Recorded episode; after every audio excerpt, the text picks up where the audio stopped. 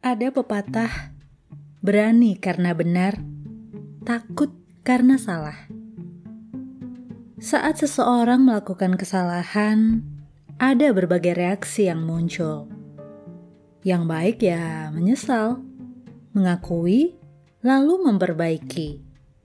Namun, tidak sedikit yang sembunyi, bikin tameng, menyangkali, cari pembenaran dan pembelaan bahkan sampai melarikan diri.